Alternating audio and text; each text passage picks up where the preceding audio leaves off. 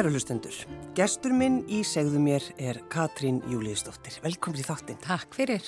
Hvað þýðir að vera fyrirrandur á þeirra? Það þýðir í mínum huga að ég hef verið á þeirra og að ég hafi lagt mikið á mig á meðan og, hérna, og ég er stolt af mörgu sem gerðist og þannig að, að mörgu leiti að þá er það svona fyrir mig persónlega eblandi og líka tappar svona inn í þakklætið fyrir að hafa fengið að, að sinna þessu. Þannig já, það, það er svolítið það sko, en hérna ég sveibla þessum tittli ekkit mikið. Nei, nei, nei, þú veit ekki, um, nei, ég var sko ráð þeirra. Já, nei, ég ger það ekki.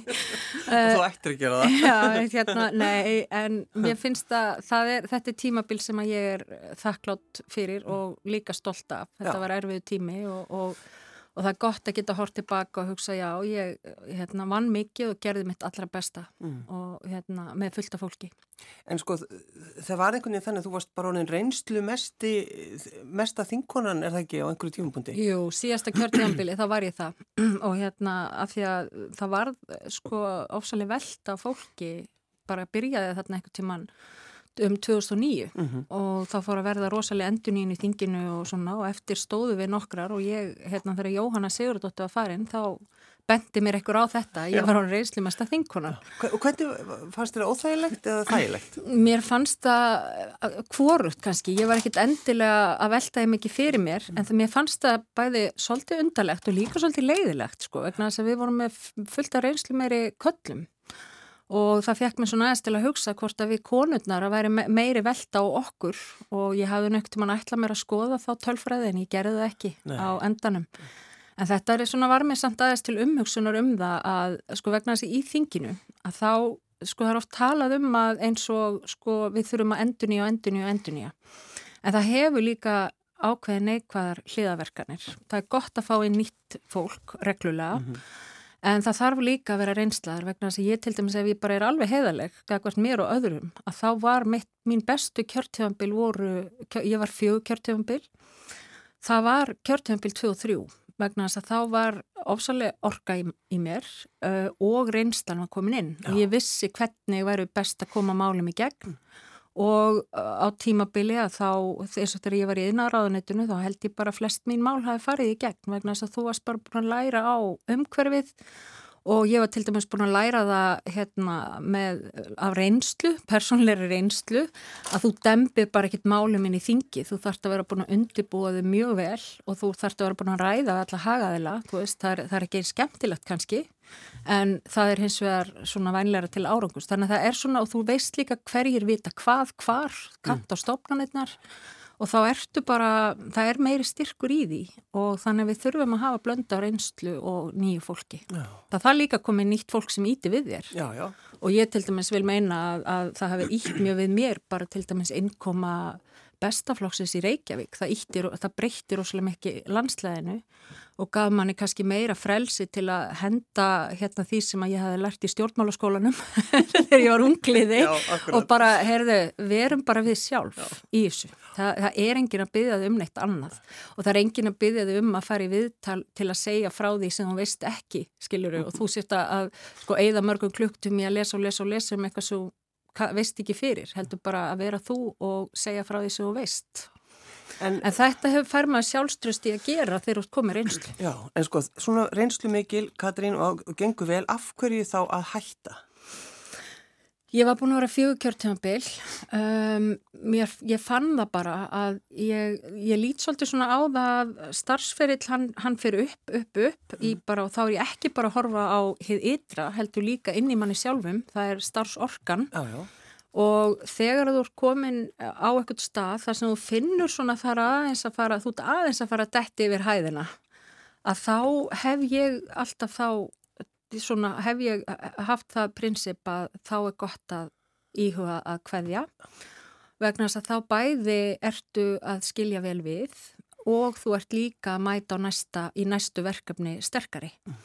Þannig að, að það var svona það sem ég var að, var að hugsa á þeim tíma og þetta hef ég, er ég, ég er bara mjög sátt við það vegna þess að ég fann bara, ég var líka orðin svolítið svona ég var orðin víga lúin eða morðað þannig og, hérna, og svo fannst mér líka umræðan á þeim tíma orðin ofsalega svart hvít mm -hmm. og ég þrýfst ekki vel í svart hvít umhverfi. Lífið er svo marglaga og manneskjur eru svo marglaga að við, og mér finnst við svolítið svona, mér finnst það reynda að vera að koma aftur, við þurfum að, við þurfum að horfa þessi í þessa fjölbreyttu gráu tóna lífsins. Já, já, ég held að það sé alveg. Það er svolítið þannig. En það er nefnilega svo margi sem að segja, vá, hvernig getur þú hægt, þú veist, með því, það gengur vel þú hefur völd og bara, hvað er aðeir? Já, ég bara er líka þannig að þegar maður er í stjórnmálum, þá vil ég á öllum skila mínu verki í mínu besta formi Já. og ef að ég finna formi er að dala þá finnst mér bara ekki sangjant að þykjast. Já, það er bara ekki allir sem að hlusta á þetta og hlusta á uh, það, það, innra. Sko ég hef mjög, mjög, mjög marga galla Já. og hérna er mjög breysk, Já, ég er mjög breysk kona og hvaðvís og alls konar en þetta hefur mér í gegnum lífið tekist vel. Það er að finna þetta og leifa mér að hlusta á það. Mm og vegna þess að líka bara fyrir okkur sjálf að þú veist hvað viltu fá út úr lífinu? Þú, ég, ég er metnaða full en það er ekki hluta mínu metnaði að hanga á húninum bara og, og, og, og get ekki sleppt. Eða því ef þú, þú maður verður að kunna sleppa Já. og vita hvernig tími mann sé komin Svo ertu kannski núna Katrín svona, já þú ert svona byrjandi í nýju starfi. Já að vera rítöndur. Já, það er ótrúlega gaman og ég... Hérna... Er þetta ennþá steinhissi yfir þessu eða hvað? Já, ég er mjög steinhissa vegna þess að þetta var svona, ég sá mig aldrei fyrir mig sér rítönd. Uh, ég hef alla tíð verið óhrættu að prófa nýja hluti og það er svolítið það sem að, að, að mér var gefið í badnesku. Það er að ég var kvött til þess að, þú veist, ef ég spurði, já, var nú gaman að gera þetta, mm. prófaði það. Já, það var svolítið svona að ég er alveg nöffið og ég bara reynd alls konar hluti og unni við alls konar hluti og er óhrætt við það og meðist ekki mistök að prófa eitthvað og, og halda ekki áfram vegna þess að þú færð alltaf reynslu úr því og ákveði hugur ekki og ákveðina svona og lærir á þig í leiðinni. Þannig ég ákveði að prófa þetta að áækjan mannsismís og hann var alveg sannferður um að ég er því góð í þessu og sérstaklega glæpasagnaskrifum að því að ég hef svolítið gaman af þeim bókum og líka því að sem ekki náhuga fólki og breyskleika þess. Já. Og hvaða Hvað er... er skemmtilegra heldur um breyskleiki? Ekkert. Ekkert. Þetta er það, að því við höfum þetta öll. Já. Við erum öll svo flókin, miklu flóknari samsetting heldur en þú sérð. Mm. Þegar ég hitti þig, þú veist, ég veit bara 0,2% mm. þegar ég er búin að hitta það einu sinni. Já. Og þetta finnst mér svo áhugavert. Þannig að ég hérna prófaði þetta og það gekk mér vel og úr varðað ég bóki mín Sigur sem kom á 2020 sem ég gann hérna, svartfuglin fyrir. Það eru svartfuglin, þetta eru verðlun. Þetta sem eru gefin fyrir svo fyrstu glæpasögu hjá hérna og það er Bjartu Veröld sem að, að, að er með þessi verðlun. Að ég sko að hún gekk mjög vel og var vel tekið og ég hef með þakklátt fyrir það þó ég hafi verið logandi hrætt. Ég minn einasti, ég var svo hrætt að hérna að þá... Mun enginn lesa þetta. Já og bara þetta er hræðilegt og eitthvað sko, þetta er svo eitthvað, mér fannst ég eitthvað svo ekki með nógu djúb og eitthvað svona. Svo kom hún út í Breitlandi núna í desember og þá byrjar alveg nýtt, æfind, nýr fasi í þessu vegna þess að ég er að upplifa og ég er svo þakklátt fyrir þetta, þetta er svo geggið tilfinning að ég er að upplifa að vera bara algjör nýliði. Þú veist, ég bara er að byrja á gólfinu aftur og það er rosalega góð tilfinning og mér finnst ég bara yngst uppfið þetta Já. og með starfsorkan sem ég fæ út úr því hún bara, hún er á allt verið kaliberi að því ég byrjaði mjög ung sem stjórn, var mjög ung stjórnandi mm -hmm. og ég var bara, ég var hann stjórnandi um tvít, upp á tvítu og hérna, og þannig hef ég svolítið, hefur lífmitt svolítið verið og á meðan að ég er samt líka rosalega mikil svona æventyrakona og ég, ég, ég þarf ekki að vera stjórnandi Mér finnst það gaman já, já, en ég þarf þess ekki. Þú þarf þess ekki? Nei, okay. og mér finnst hérna ofsalega gaman að fá að vera með og læra af öðrum mm. og þar er ég akkurat núna og þetta er hérna, þetta líka sko nærir auðmygtin í manni að, og ég held við þurfum öll að næra hana vegna þess að hún gefur manni nýjar vittir bara í hugsun að fá að upplifa auðmygt og það er ég alveg bara, ég er, að, ég er, ég er veldi mér upp úr henni núna. og ég veit ekkit út í hvað ég er komin og ég veit ekkit nákvæmlega hvert þetta er að fara.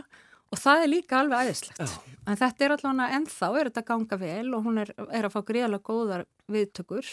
Og hérna meiri segja eina viku í höst er núna eftir rétt eftir hún kom út að þá var hún í sjötta sæti. Mest seldu bækurnan frá litlum útgefendum. Ég er hjá, hjá svona minnifárlegu Já.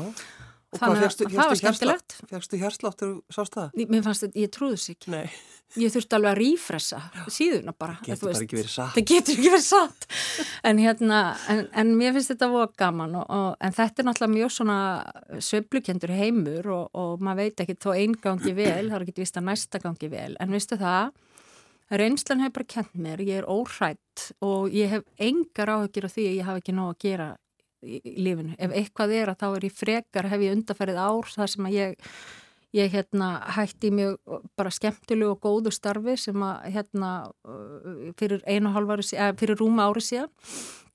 Og hérna til þess að aðeins að bara prófa þetta af því að þarna opnaði skluggi fyrir mig sem var að komast til Breitlands með bókina mín og ég ákvað bara að leifa því svolítið að, að taka með ekkert Já.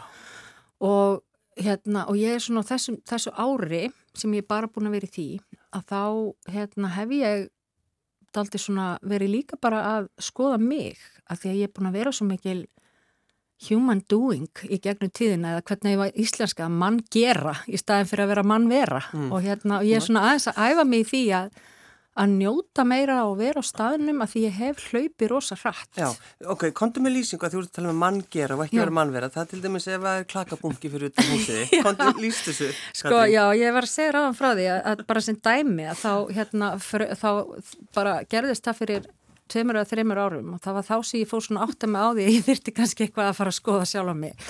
Að það var klakabunki búin að myndast eins og gerist út á bílastæði, þú veist það snjóar onna og maður nær því og svo bara svo harnar þetta og verður allt inn á orðið ekkur fjalli. Og komin hann að risa klakabunki alveg góði tveir metrar á breytt og, og svona meter á, á, á hérna, já eða tveir sinnum einn. Og ég, og hann fann að skrapa undan bílunum.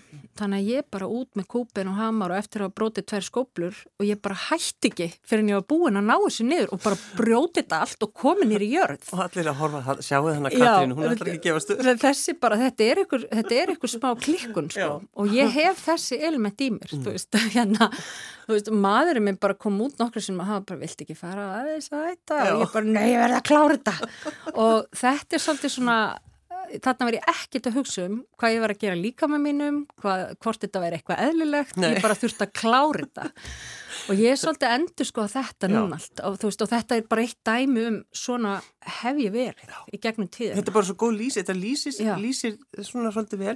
Þannig að núna, Katrín Júliusdóttir, labbaru bara svona, svona rólega framhjá alls konar klakabunkum Já. og þér er bara alveg saman. Já, og ég bara... Ég. Takk fyrir og núna er ég meiri sem bara rosa svona pínulítið lúmst stolt að mér þó Já. ég byggðist afsökunar ef ég missi einn og einn bolta Já. þá er ég svona innst inni bara að þetta er nú kannski ágætis heilbríðismerkja þú hérna sérst eitthvað farin að slaka þess á. Við gerum þetta við stöld, sko. Þannig að ég núna bara, ég er svona svo pretikari við vinnin minna, ég bara viti það, þetta er bara svo frelsandi í alvörunni það, og það gerðist að þú analýsir og skoðar það hvað gerðist til þessi bolti datt, Mhm. raunin ekki neitt. Nei, nei. Þú bara pikkar hann upp aftur og svo heldur áfram, Mm. þú veist, þetta er einhvern veginn, við erum bara, ég var alltaf svona í, líka í forvörn fyrir, ég vann þannig og hugsaði þannig og ég var alltaf að reyna að koma í veg fyrir að eitthvað gerðist Já. þú veist, eitthvað, eitthvað slæmt eða að eitthvað, þú veist og ég bara nenni ekki að lifa lífinu svona lengur ég ætla bara já, ég meina, akkur er að taka allir svona ofsalega alvarlega og það gerur okkur bara hert og þreytt og þá verður við reið og beisk og ég bara, ég nenni sér ekki Nei, nei. He hefur það einhver áhrif, Katrín, uh, svona þín veikindi að taka svona ákvörðun?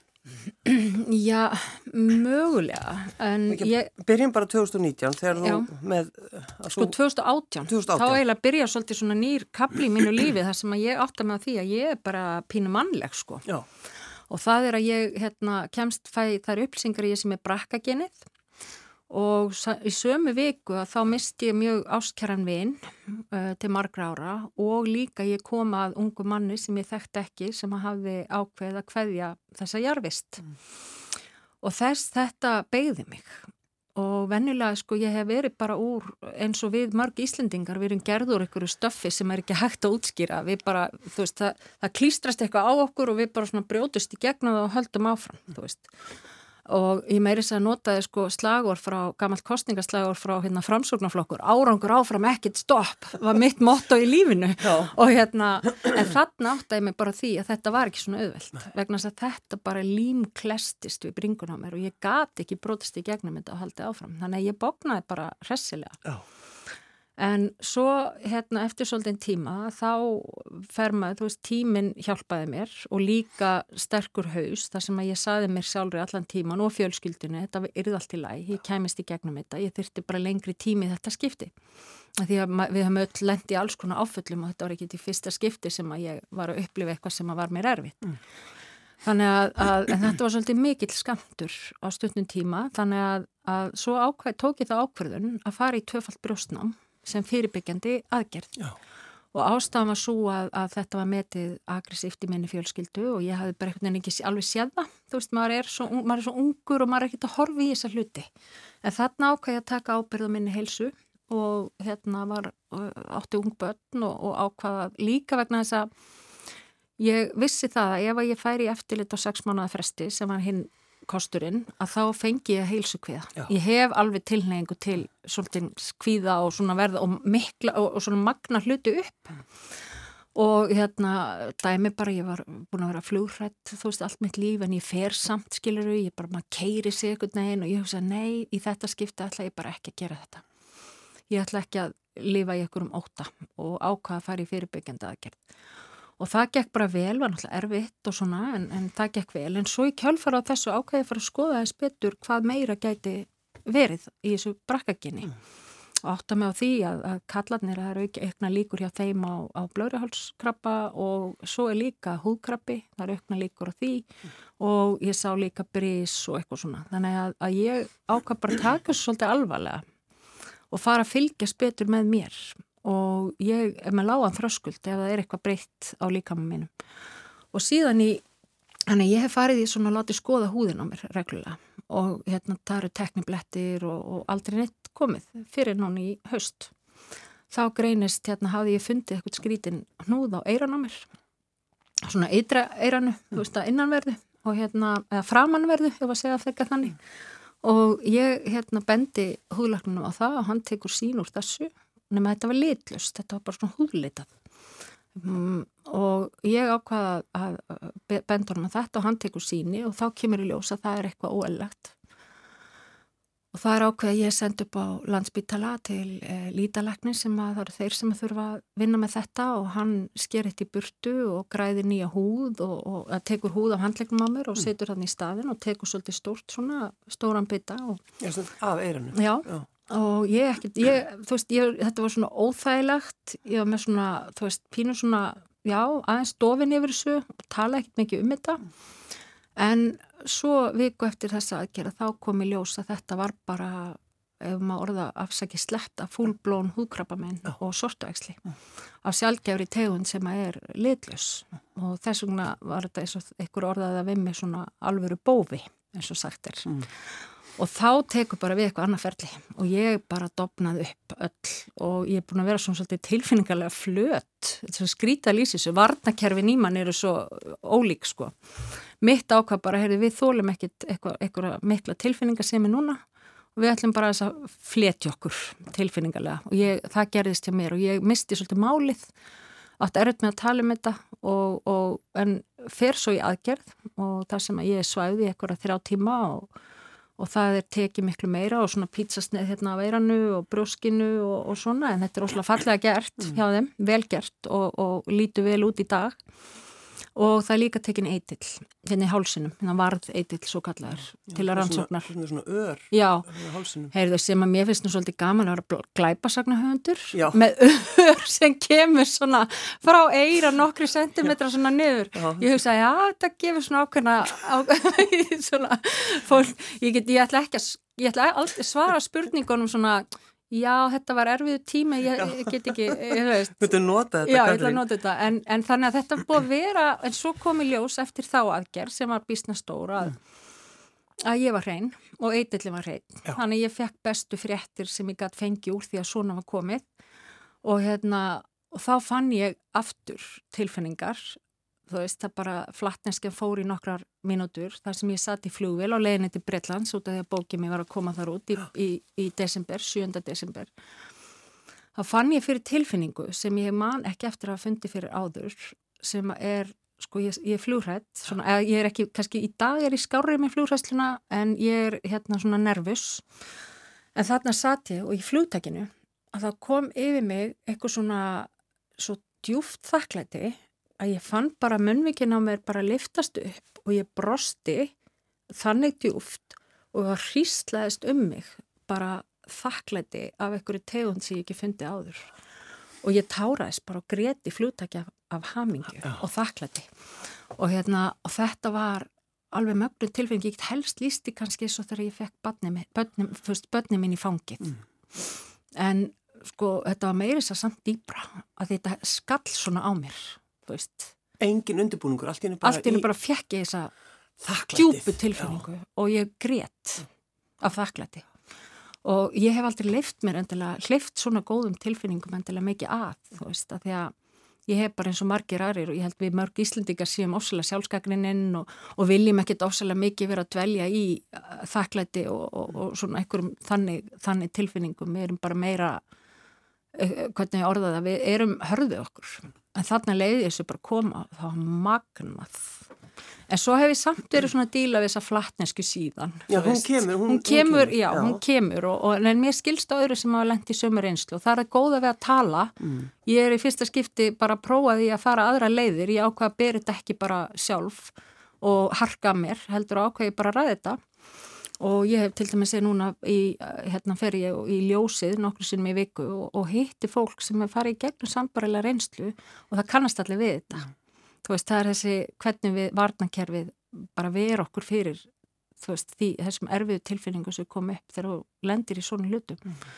Og það er rosalega dýrmætt þannig að núna er ég aftur á um predikari. Nú er ég bara ekki vera alltaf, ekki, þú veist, harka alltaf af ykkur, bara ræði þessi mál. Tal, tölum saman um þetta og þá það er líka bara eitthvað magik í því. Og fólk er hrætt, þú veist bara já, ég vil ekki að fólk stimpli mig sem veika eða eitthvað slíkt, ég meina en í alveg tala eh, ef eitthvað er, þá verður betri starfskraftur, þú verður sterkari manneskja, þú, þú, þú lifir meira af, af svona erfiðum hlutum og erfiðum samtölum, erfiðum þú veist, uppákomum, ef þú hefur farið í gegnum svona, þú hefur einslu sem að nýtist þér í svo ótrúlega mörg En eh, sko að vera tilfinningarlega flatur, þetta er sko, það hlýtur að vera bara mjög erfitt. mjög skrítið. Og, já, svona skrítið. Já, að því ég er svona einn opinn tögandi, sko hef alltaf verið, alveg bara vú, vú, þú veist, og, og vakna mótana með þannig spennu fyrir deginum að sko það bara hríslast eitthvað svona titringur um mig og, og svo bara allt í henni er ég bara veist.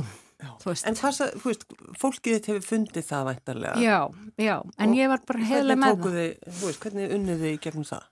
Ég var bara heiðlega með þetta og það var bara, var skilningur og þeimlið heldur ekkit vel og kannski var betra að ég væri frekar svona heldur en að ég væri í miklu uppnámi eða og svona, en það kom alveg dagar sem ég varði mjög kvíðin og óttastlega við því sem koma skildi og sérstaklega dagana áður en ég fekk að vita, þú veist, niðurstur úr rannsóknunum og, og, og sérstaklega sí, síðustu aðgerðin hana sem að var gerð 29. november og ég fekk að vita eh, átt, ég held að 7. des að þetta ég var í hrein. Í byðin þar var mér erfið Bara og, Óbærilegt. og já, Já. og þá svona bara sagði ég það, herru þetta er ekki góð dagur, ég er kvíðin Já. og þá bara höfum við deginum þannig. Það er miklu auðveldra fyrir þá sem eru nálætt þér ef þú segir þeim skýrt hvað er í gangi í staðin fyrir að þau einhvern veginn bara fari að, að reyna að lesa í það eða einhvern veginn og, og svo verður miskilingur og ég er að æfa mig þessu og hérna að vera bara opinn, opnari með mig. Og hérna að því ég var það aldrei, þú veist, ég var alltaf bara, það er allt í læg, ekkert að frétta hér, það er allt í góðu. Við gerum þetta nú svolítið íslendingar. Já, en, en Nei, nei, það er, ég er alveg góð. Já, ég er góð sko, ég er bara, það er allt frábært og, og geggjað, en auðvitað er það ekki þannig og við förum öll í gegnum alls konar dali og eitthvað svona, en uh, þú veist, ég hef bara ákvað að prófa aðra leið núna með því að prófa þessa aðferð sem ég hef hýrt mjög góða hlutum sem er, sem er önverulega að tala og hérna og segja ha? hvernig manni líður bara what? er þetta að segja? Já. og ég ákvað að prófa það núna og það bara virkaði miklu betur Já. vegna þess að ég var ekki með, með hann risa kökkul í kviðnum sem ég hef stundum verið með þegar ég fer í gegnum erfiða tíma. Mm. Hann bara var ekkert jafn erfiður og svo hefur tekið eftir einu og ef þú segir hlutina upphátt þá líka, þá minga þeir og stundur líður mér svona eins og ég geti bara sett á svona aðferður og hugleislu sem er að setja bara svona, þá fara þeir upp á skí og þú horfið svona á mm -hmm. þetta flögri burtu. Það tekur ekki vandamálið en það mingar þau og þú sér svona bit af, af erfiðu tilfinningunum, þínunga hvort erfiðleikunum flögra í burtu þegar þú talar og mér finnst það gott. Mm. Þannig að þessi, ég, ég mæli með þessu. Já, ég mæli með því að við tölum já, saman. Ég hef, hef reynslu á báðu já. og þetta er betra. Já, akkurat.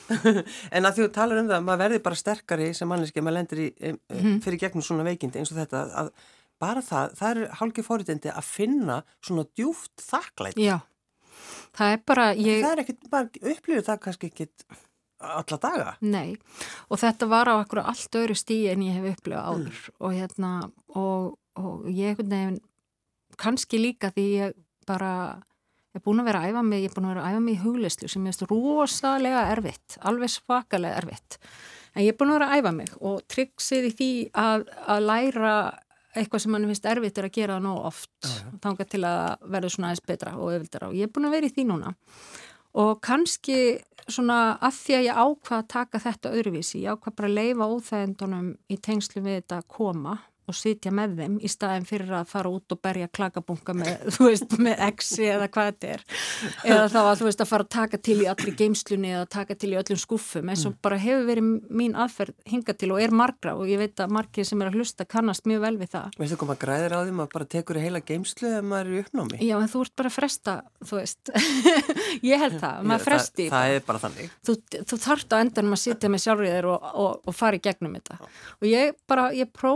þetta og kannski var það að ég bara leiði alls konar tilfinningum að koma mm. og þegar maður leiðir er, erfiðum tilfinningum að koma þá nefnilega leifum er maður á sama tíma að opna fyrir allar þessar sterku, djúpi, góðu tilfinningar veist, ég, ég held að, maður, að þú lokar fyrir vonda tilfinningar þá ertu líka ómeð þetta að loka fyrir þessar sterku, góðu djúbu tilfinningar mm. líka. Þannig að þú er búin að fara í gegnum svona, svona mikla andlega vinnu Já, Katri, já, ég er búin að vera því og hérna kannski bara því að ég held að, að sko, ég er búin að vera í rosalega streitu mjög lengi og ég hef eitthvað nærst á streitu mm. en svo fer, er ég bara að verða 50 á þessu ári og ég veit alveg að líka mig með þólir þetta ekkert mikið lengur og mér langar bara að verða konan sem er 100 ára og er að ráli við því hvað alltaf betri gamla þetta, þú veist, í kostingasjóvarpinu Sjá, já, þetta var nú ekki svona þegar við, ég var í pólitíkinni. Sjáðu, sjáðu Eða þá ég verð svona 100 ára og, verð, hérna, og, og er að hvetja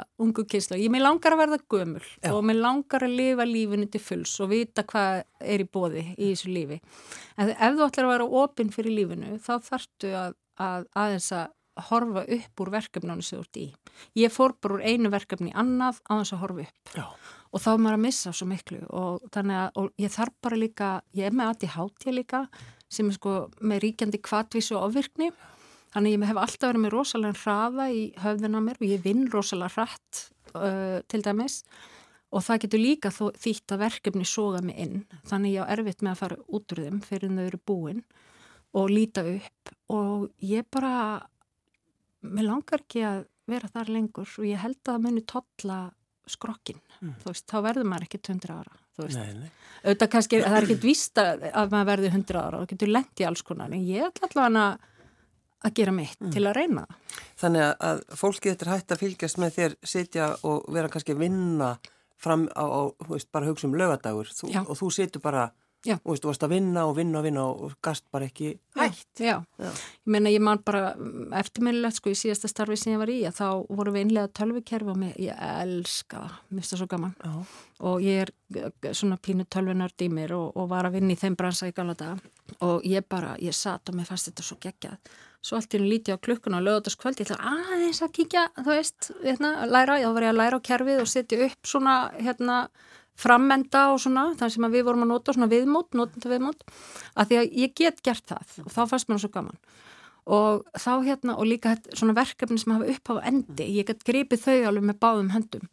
En svo vissi ég ekki fyrir en klukk var að vera hálf þrjú sko. Þú veist, þetta, þetta verður svolítið svona en, en, en þetta er, það, það er gott að fá passjón fyrir verkefnum og gera þetta reglulega, en þetta var svolítið svona minnst, meira minnstur hjá mér. Það gerðist oftar en ekki og þetta bara, ég áttaði mig bara á því þess, þessu verði að breyta og ég held líka bara þegar ég, ég veit ekkit hvað ég gerir þú veist, almennilega í framtíðinni, nei, nei. getur vel verið ég fara aftur í stórt, skemmtilegt starf en þá hins vegar vil ég gera það eins öðruvísi og ég held líka að þá verði ég bara betri í því sem ég er að gera ef ég næja að kópla mig út betur á milli. Mm. En þú mátt átt að ekki gleyminni Sigurdís Nei, ég er að skrifa núna bók 2. Já, já, akkurat. Ég ætla að reyna að koma út fyrir síðustu jól en, en ekki bara, veist, þá náttúrulega vissi ég ekkert ég væri að fara að fá krabbamenn í eira eða á húðina í, í eiranu hérna í haust en, en ég fór í liðskipti síðasta í mass mm. á síðasta ári og held að ég gæti þá bara sitja aðeinslega í kósi og skrifa um hann að sigurtísi og næsta bóka því hún er tilbúin í haustum að mér já. og ég er búin að skrifa þó nokkra kabla En það var nú aldrei ekki svo vegna þess að, að þegar þú ferði gegnum, ég, maður áða til að vannmeta svona mm. hluti og ég hafði svona kannski aðteglisban í fimm minútur í senn, fyrstu svona, þú veist, fimm-seks vikurnar. Oh. Þannig að það var, ekki, var ekkit svona beint cozy stemming en núna er þetta náttúrulega algjör bara indislegt að hafa fengið verið að koma í nýtt nýja og ég er að fara að byrja að skýðum aftur og svona. All, það er allt í blóma. Já, en maður þarf að muna að gefa sér tíma, þú veist, er, þetta, ég hef alltaf vannmetið það að gefa mig tíma. Og þarna einhvern veginn var mér svolítið bara, fekk ég það við hardvei sko, ég settist kannski með tölvun að byrja að skrifa og það bara eftir fimm minútu var ég bara búinn sko. En hérna, mm. þannig að það var bara eitthvað, eitthvað annað sem greip inn í þar. En ég er að skrifa núna ég manna sig út í sig og, og hérna og hún á mjög mikla sögu eftir. Og þarna finnst mér svo, mér svo það var svo skrítið þegar ég byrjaði að skrifa fyrstu svona, þá ætlaði ég að skrifa bara svona, var ég með glæpin og ég var með karakterinn sem er myrtur og hann var eins og hann er það, og, og svona horða hann eins og laug sem átt að flett utan af. En í öllum skrifunum að þá stækkaði saga síðuti sem miklu meira. Af því að ég hef bara svo mikið áhuga á öllu þessum svona, hvernig orða, hvaða áhrif tráma hefur á þig sem mannesku í þínum störfum og þínu lífi og hún er svo sannlega með það uh, nóg af því. Og það þarf ekki að vera þannig að þú verði þá úrýllur, þú veist, hérna, úrýllur og drikkfeldur eða veist, það er fullt af fólki sem að lifir af tráma á þess að verða þannig mm. eða fara þá leið. Og mér langaði að skrifa um bjarta góða mannesku sem að hefði tráma baki og Sigurdís er þar en er svona klást við lífið. Og hvernig það hefur áhrif á hann og jafnvel gefur henni býr til styrkleika í henni sem er stert innsægi og allsken svona hlutir sem að hérna, já, og, og þetta finnst mér líka gaman að skrifa um og bókin, og mér var svolítið gaman þegar hún kemur til Breitlands bókin og ég fer að fá gaggrín á hana, þá sáu Breitlandi þetta strax, þau sögðu bara, sáu bara já, vá, þannig er hún að vinna áhugverk, hvernig hún er að vinna með tráma og hvernig við, það hefur áhrif á okkur í lífinu. Mm. Ég baði Katrín að velja lag mm -hmm. Supermama Djambó Já Þetta er hljómsveit frá Gínu Bissá og ég, hún kom nú hérna ekkert um hún listahátti, Reykjavíkur. Og ég var svo lansum að eiga vinir sem að voru svona, svona unnu í kringum það og það endaði þannig að ég var svo mikið grúpi að ég fór með hópi fólks til hérna Gínu Bissá og við vorum viðstöð tónleika þar sem að þau held í sín eigin heimalandi. Og þetta var bara stórkostlu upplifun og þarna sér maður uh, fólk í sem að bara þarf að, að, að sko streða frá degi til dags bara, og veit ekkit hvað dagurinn á morgun byrju skauti sér. Mm. en uh, Supermama Jumbo þau, veginn, þau uh, bara síndu svo mikið gleðina í aðstáðanum og þau eru, þetta er stórkosli hljómsett, ég mæli með henni, Ka Katrín Júliusdóttir, takk fyrir að koma. Takk ennilega fyrir